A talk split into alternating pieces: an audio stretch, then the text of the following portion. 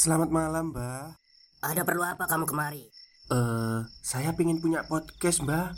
Biar pacar saya makin cinta sama saya. Loh, loh, loh. Mau bikin podcast kok tanya dukun? Sekarang kamu download aplikasi Anchor.fm. Di situ kamu bisa buat podcast gratis dan podcast kamu bisa didistribusikan ke platform mana pun. Dan di aplikasi atau website Anchor.fm juga terdapat fitur-fitur yang memudahkan kamu untuk membuat podcast. Oh, gitu ya, Mbak. Kalau gitu, saya boleh minta password wifi-nya, Mbak. Buat apa? Buat download Anchor.fm, Mbak.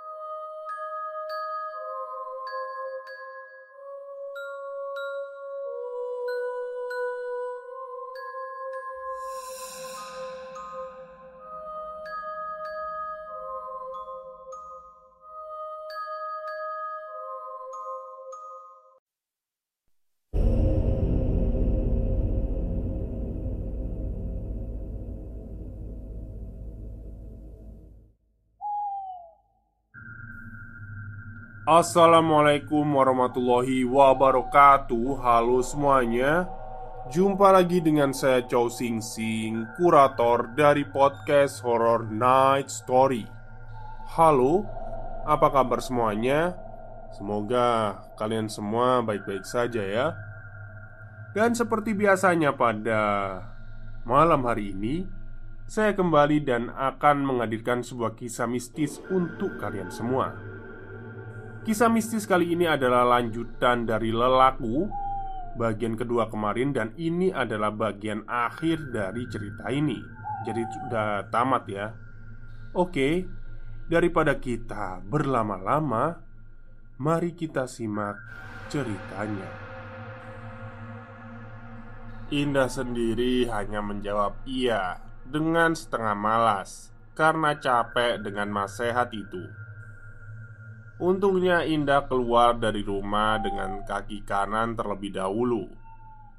Hanya saja dia langsung berjalan menuju ke utara tempat pedagang sayur berada. Naas, entah bagaimana itu bisa terjadi karena kejadiannya begitu cepat. Di tengah jalan raya, Indah tiba-tiba merasakan kedua kakinya mendadak mati rasa. Sebelum dia jatuh tersungkur dengan kepala menghantam ke aspal duluan. Masalahnya bukan di aspal itu, tapi dari arah utara melaju truk yang sedang melaju kencang. Posisinya jeda waktu saat Indah jatuh tersungkur dengan truk yang sedang melaju itu hanya sepersekian detik. Kepala Indah seketika digilas hingga tidak terbentuk lagi. Raffi yang hanya bisa dia melihat jasad kakaknya terbaring dengan kepala disumpal kain berwarna putih yang berlumuran darah. Brengseknya, Tante Rafli, orang yang konon dituding sebagai pelaku dari santet kiriman itu datang ke rumahnya untuk melayat. Wajah wanita itu nampak berduka. Di dalam rumah, Bapak Rafli sebenarnya nyaris mengambil golok yang biasa ia simpan di dalam dapur. Namun, anggota keluarga lain segera menghentikannya. Ajaib, saat pemakaman itu sedang berlangsung, ibunya Rafli tiba-tiba bisa sembuh dengan sendirinya beliau bisa berdiri untuk mengantarkan jenazah putrinya ke liang lahat. Meski begitu, Ibu Rafli selalu menasehati semuanya untuk sabar dan tidak gelap mata. Musibah yang menimpa keluarganya ini mungkin sudah menjadi suratan takdir mereka. Setelah lima bulan kejadian naas itu, lagi-lagi pantangan itu terdengar lagi. Hanya saja kali ini harus ditanggung oleh Ibu Rafli. Di suatu siang yang terik Rafli mendapati kabar kalau ibunya meninggal karena dihantam kereta Dengan tubuh tercerai berai Hanya saja ada kejanggalan Yang mana Daging dari wanita itu berwarna kehitaman seperti dibakar oleh api. Rafli merasa sangat kehilangan Bapak juga sama. Lantas, keributan antara bapak dan adik dari ibunya tidak pernah bisa dibuktikan. Karena bagaimanapun, santet itu gaib. Dodit yang mendengar kabar itu dari mulut kawan baiknya Rafli sontak merah padam. Dia pun pergi ke rumah Mbak Purwo untuk pertama kalinya setelah berbulan-bulan tidak pernah ke sana. Dia menceritakan semuanya dan betapa ia dendam kesumat pada apa yang terjadi. Selain itu, Dodit meminta Mbak Purwo untuk melihat apakah benar yang mengirim itu adik dari ibunya Rafli. Sayang seribu sayang, Mbak Purwo membenarkan kalau pelaku itu memang adik dari almarhumah ibunya Rafli. Dia mengirim semacam sosok hitam besar yang selama ini berjaga di jalan sebelah utara rumah Rafli. Jebakan itu memang sejak awal dipasang di sana karena bagaimanapun kebencian, iri dengki yang dimiliki wanita itu sudah sangatlah besar Sehingga nyawa menjadi pertaruhannya. Dodit kemudian bersumpah dia ingin membalas orang yang sudah biadab membuat keluarga Rafli menjadi korban. Bahkan, ia rela jika harus melakukan aksi nyawa dibalas nyawa. Karena Dodit tidak pernah ikhlas orang yang sudah dianggap keluarganya diperlakukan seperti itu. Sayangnya, Mbak Purwo menolak permintaan Dodit. Bagaimanapun, santet bukan perkara sepele, apalagi jika menyangkut nyawa manusia.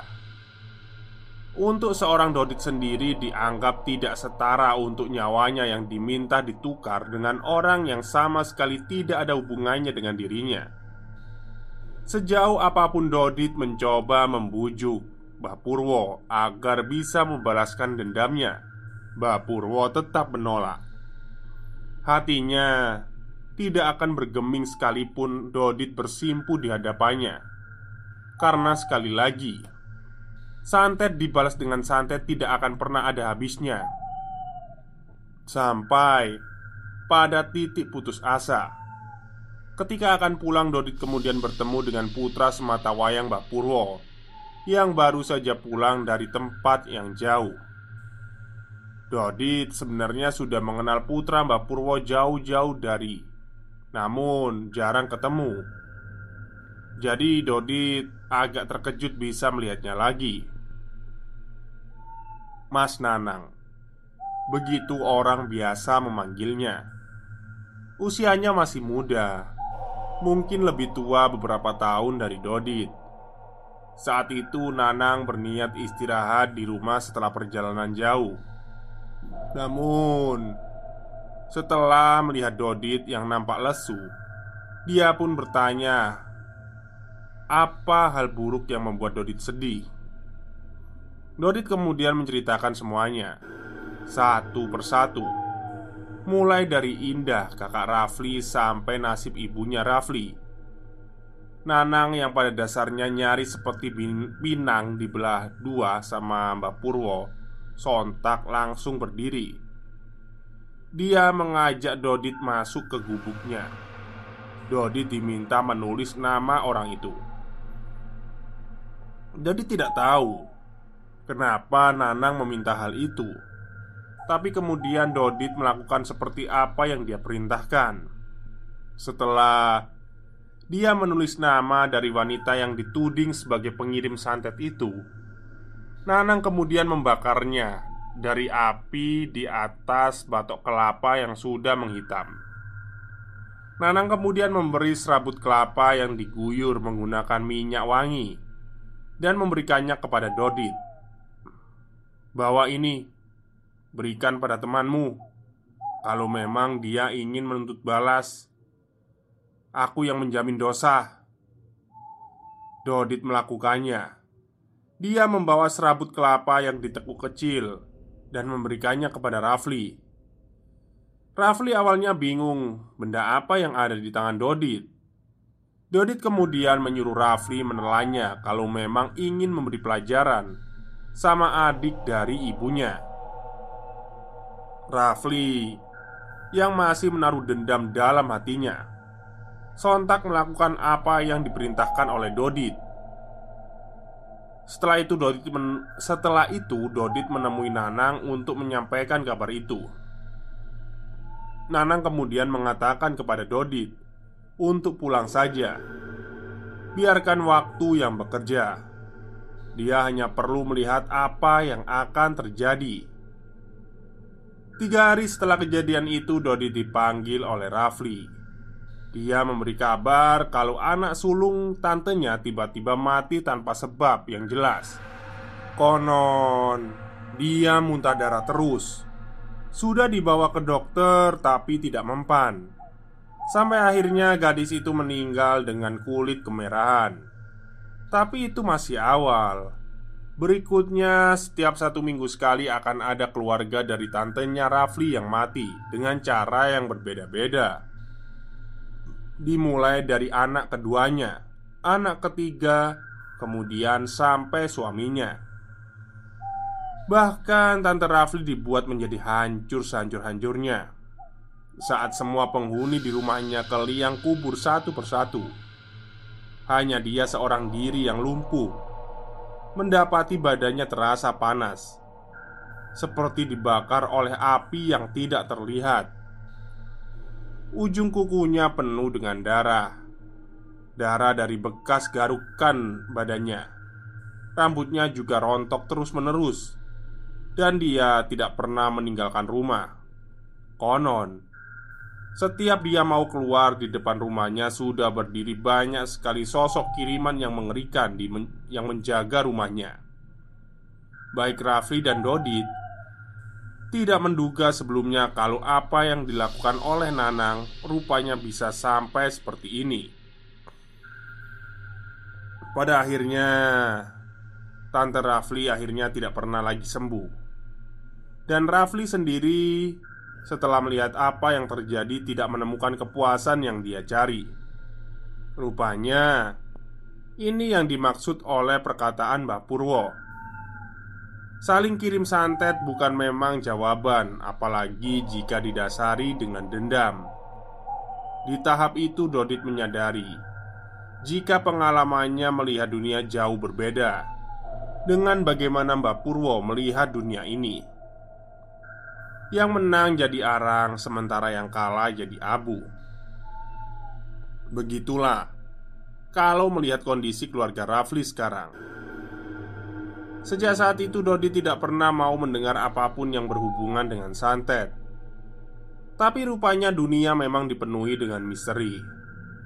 Suatu hari saat Dodit datang berkunjung ke rumah Mbak Purwo Dia bertemu dengan Nanang yang mengatakan kalau lebih baik Dodit pulang karena untuk waktu yang lama mungkin Dodit tidak akan bisa melihat Mbak Purwo dulu Alasannya Nanang enggan mengatakannya Tapi pada dasarnya Dodit ini memang keras kepala Besok dan besoknya lagi dia datang Sampai akhirnya Nanang lelah dan ngalah Dia akan menyuruh Dia akan menunjukkan Rizky di mana Mbak Purwo bapaknya itu sekarang berada.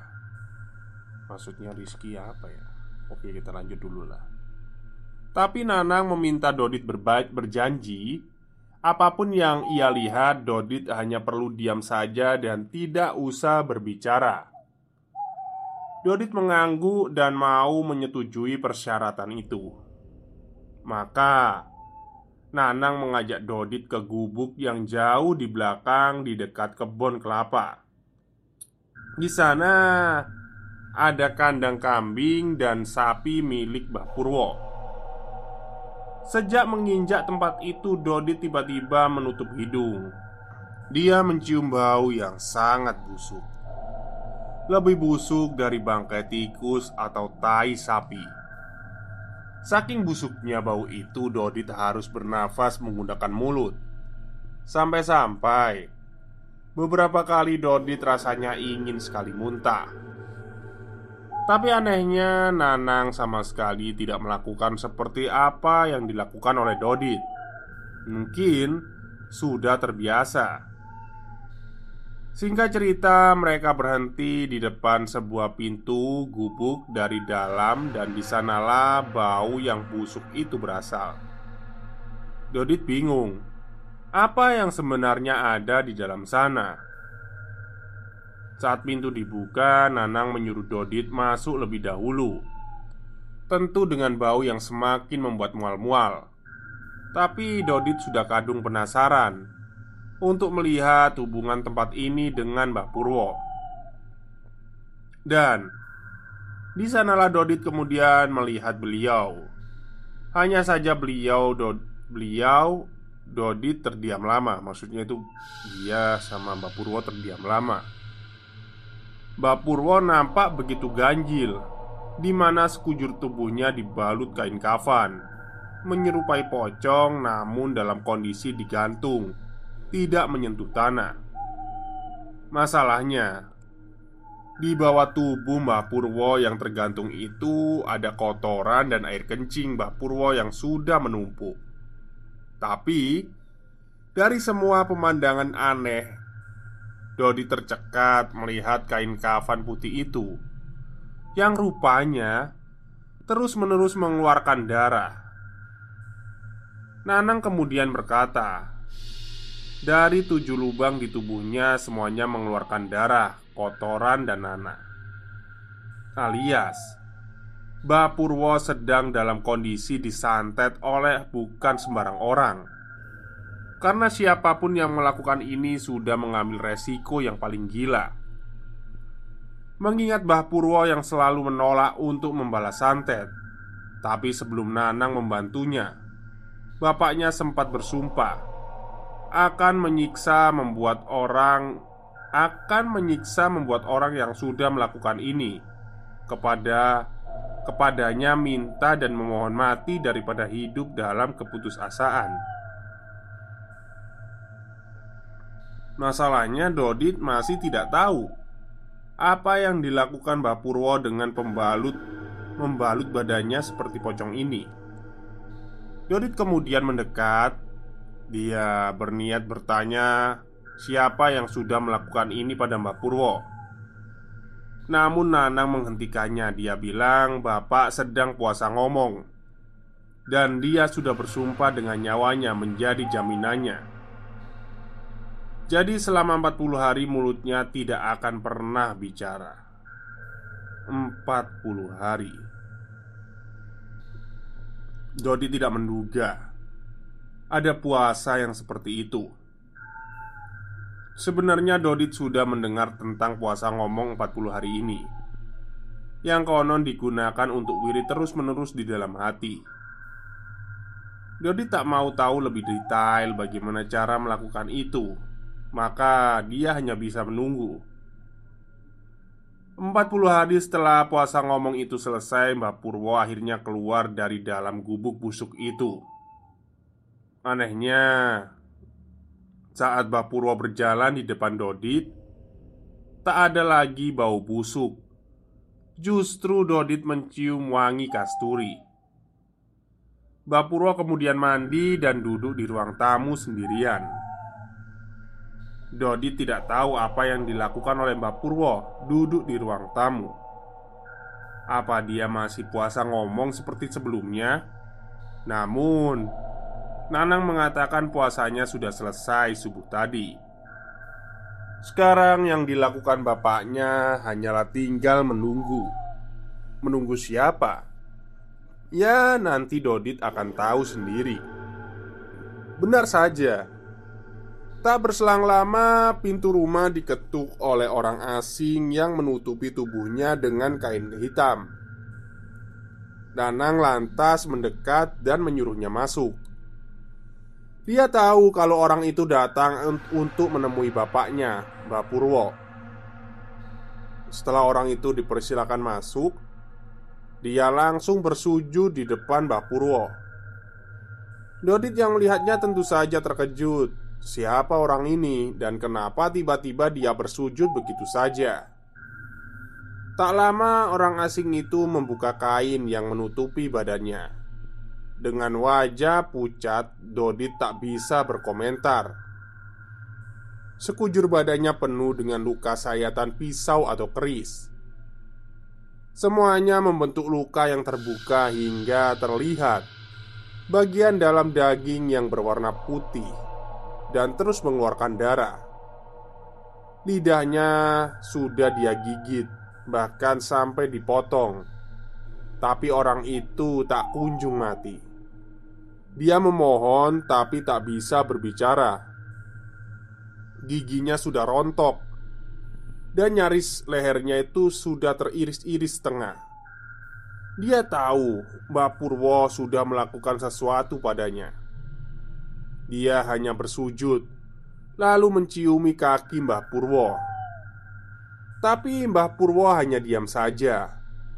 Lama sekali orang asing itu didiamkan Sampai karena mungkin tidak tega melihat kondisi orang yang putus asa Mbah Purwo membisik di telinga Nanang Kemudian Anak Mbah Purwo itu membawa orang asing itu sambil memberinya catatan Dan Sejak hari itu Dodi tidak pernah lagi melihat orang asing itu datang ini menjadi kali pertama Dodit melihat Mbak Purwo sampai seperti itu. Hal ini menegaskan kalau sebagaimanapun orang tua itu berbuat, dia tetaplah seorang manusia biasa. Suatu hari Mbak Purwo mengunjungi rumah Dodit Hal yang jarang beliau lakukan selama hidupnya Dodit sendiri awalnya tidak tahu apa tujuannya ke rumah. Sampai pada akhirnya Mbak Purwo mengatakan kalau dia mencari orang yang mau mengambil barang-barang yang ada di gudang. Salah satunya payung rojo yang memiliki tiga tingkatan itu. Dodi tidak mengerti maksud kata-kata Simba. Dengan wajah yang tenang Mbak Purwo kemudian mengatakan kalau sebentar lagi. Tidak lama dari malam ini dia mungkin akan mati. Dan kalau dia mati Dia mau payung itu dibawa oleh Dodit Karena Gak banyak orang yang bisa kuat atau menanggungnya. Singkat cerita Mbak Purwo menceritakan Bagaimana Dia dulu bisa mendapatkan payung itu Jadi saat Mbah Purwo muda dulu, dia dan ketiga temannya sampai di tahapan untuk mewujud atau sifat laku yang konon ada di dalam diri mereka berempat.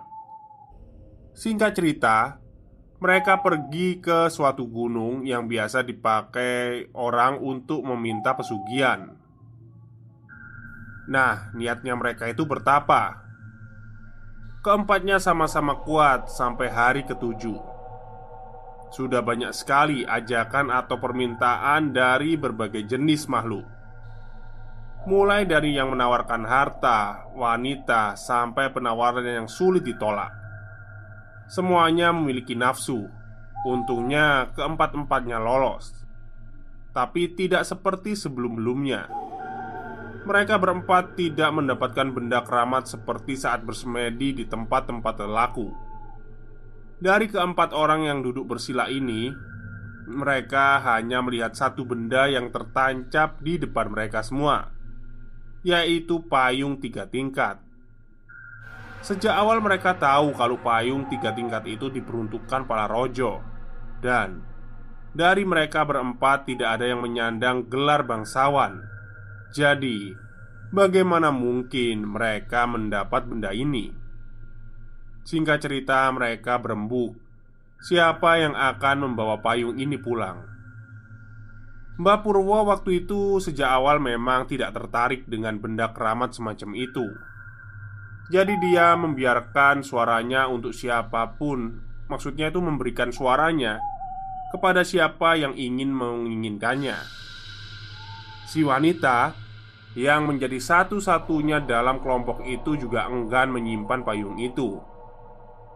Alasannya tidak diketahui, tapi dari dua orang laki-laki yang tersisa, mereka berebut, saling menginginkan payung itu, apa pun yang terjadi. Melihat tingkah laku yang mulai menjurus ke arah kekerasan, Mbak Purwo menyarankan agar payung itu disimpan oleh pihak wanita saja. Hal ini dilakukan untuk menghormati sebagai seorang kesatria. Akhirnya mereka semua sepakat dan sebenarnya si wanita masih menolak. Tapi untuk menghindari kekerasan pada akhirnya si wanita mau dan menerima. Selama payung itu disimpan di rumah si wanita, berbagai keinginan dan tujuan keluarga si wanita tercapai. Bahkan, dia sampai terpilih menjadi seorang wali kota di tempat dia tinggal. Sayangnya, semakin cepat dia mendapatkan kejayaan, semakin cepat pula mau datang mendekat. Pada akhirnya, si wanita meninggal dunia dan payung itu ditolak oleh suami si wanita itu. Dia ketakutan.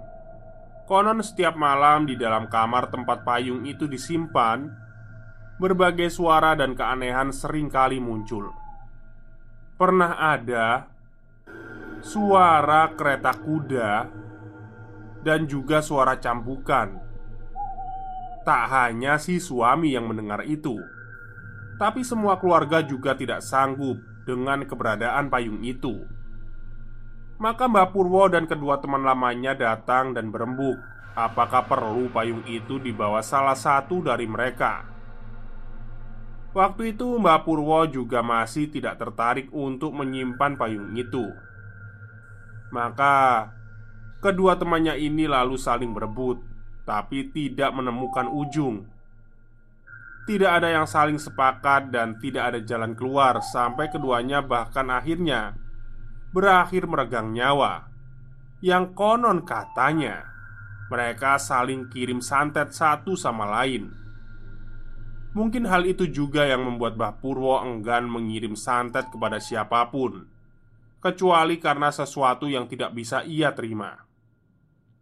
Maka, setelah meninggalnya kedua teman Mbah Purwo terpaksalah Dia harus menyimpan payung itu di rumahnya.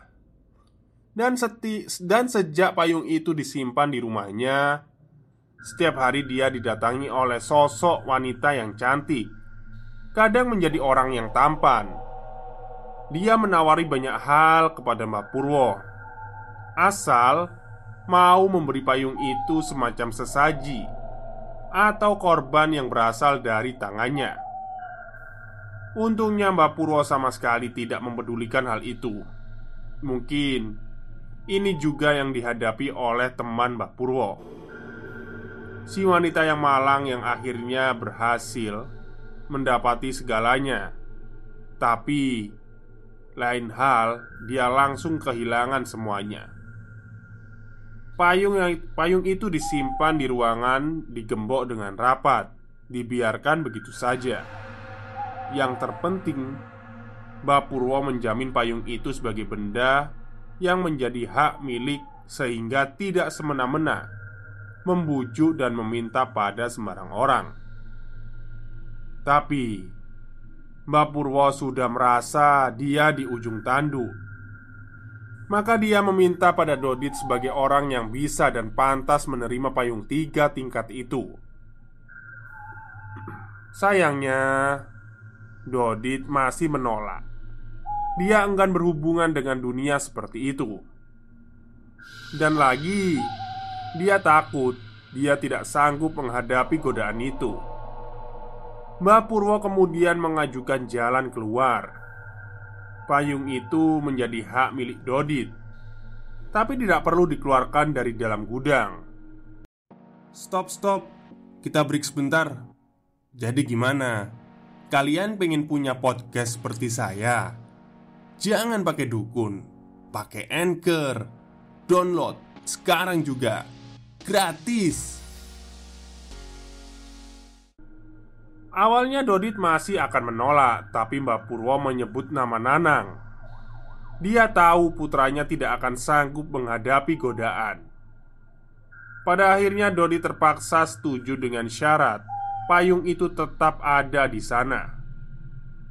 Mbak Purwo tersenyum kemudian beliau izin meminjam kamar mandinya. Sejak tadi dia sudah menahan kencing Dan Dia pun mengiyakan permintaan itu. Diantarkanlah Mbak Purwo ke kamar mandi belakang. Saat sedang menunggu Mbak Purwo di dalam yang mana suara air terdengar mengguyuri lantai, tiba-tiba istri Dodit datang dan memberitahu kalau ada tamu. Dodit pun berteriak pada Mbak Purwo kalau dia akan keluar sebentar menemui tamu yang datang. Rupanya itu adalah Nanang, putra dari Mbak Purwo. Nanang menatap Dodit lalu menyampaikan berita kalau Mbak Purwo baru saja meninggal sore tadi sebelum maghrib. Mendengar itu Dodit hanya bisa menelan ludah Sampai berujar Loh, bapakmu baru saja ke sini Itu dia di belakang Nanang tentu saja kaget Maka mereka berdua pergi ke kamar mandi dengan wajah penasaran, Dodit langsung mendorong pintu kamar mandi, dan ternyata kosong. Mereka berdua tidak melihat apa-apa. Maka detik itu Dodit tahu kalau mulai detik ini dia adalah pemilik payung itu. Dia juga sudah mengatakan hal itu kepada Nanang. Untungnya anak Mbah Purwo itu legowo kalau memang payung itu sudah diwariskan kepada Dodit. Hanya saja Sejak saat itu Dodit sering didatangi tamu tak dikenal. Dia menawari banyak hal Banyak yang bahkan tidak bisa ditolak oleh sembarangan orang. Tapi Dodit tidak pernah mau dan tidak akan bersinggungan lagi dengan apa pun yang bentuknya lelaku dia adalah orang biasa dan akan tetap menjadi biasa. Sejak saat itu, Dodit menyimpan semua lika-liku kehidupannya. Dia menceritakannya kepada saya, dan saya menuliskannya di media ini. Maaf kalau butuh waktu untuk menyelesaikan tulisan ini. Untuk yang sudah sabar membaca utas ini, matur nuwun. Kita bisa bertemu di tweet selanjutnya. Terima kasih. Oke. Alhamdulillah itulah akhir cerita dari lelaku yang ditulis oleh Mas Simpleman berdasarkan uh, narasumber yang didapatkan oleh Mas Simpleman ya. Jadi Mas Dodit ini akhirnya menjadi pewaris daripada payung bertingkat tiga ini yang dimiliki oleh Mbak Purwo. Jadi memang uh, ini benar-benar payung keramat gitu ya. Bisa menuruti semua permintaan orang, tapi ya itu tadi godaannya itu berat lah. Ah, ya mending jadi orang biasa. Bener Mas Dodit juga sih daripada jadi orang yang melak uh, lelaku seperti itu. Ya kalau mau ya namanya orang kan beda-beda ya Kalau mau tirakat ya silahkan Terus kalau mau jadi orang biasa-biasa aja juga silahkan nggak apa-apa gitu. Gak usah jadi orang sakti atau gimana gitu Oke mungkin itu saja yang bisa saya sampaikan pada malam hari ini Kurang lebihnya saya mohon maaf. Wassalamualaikum warahmatullahi wabarakatuh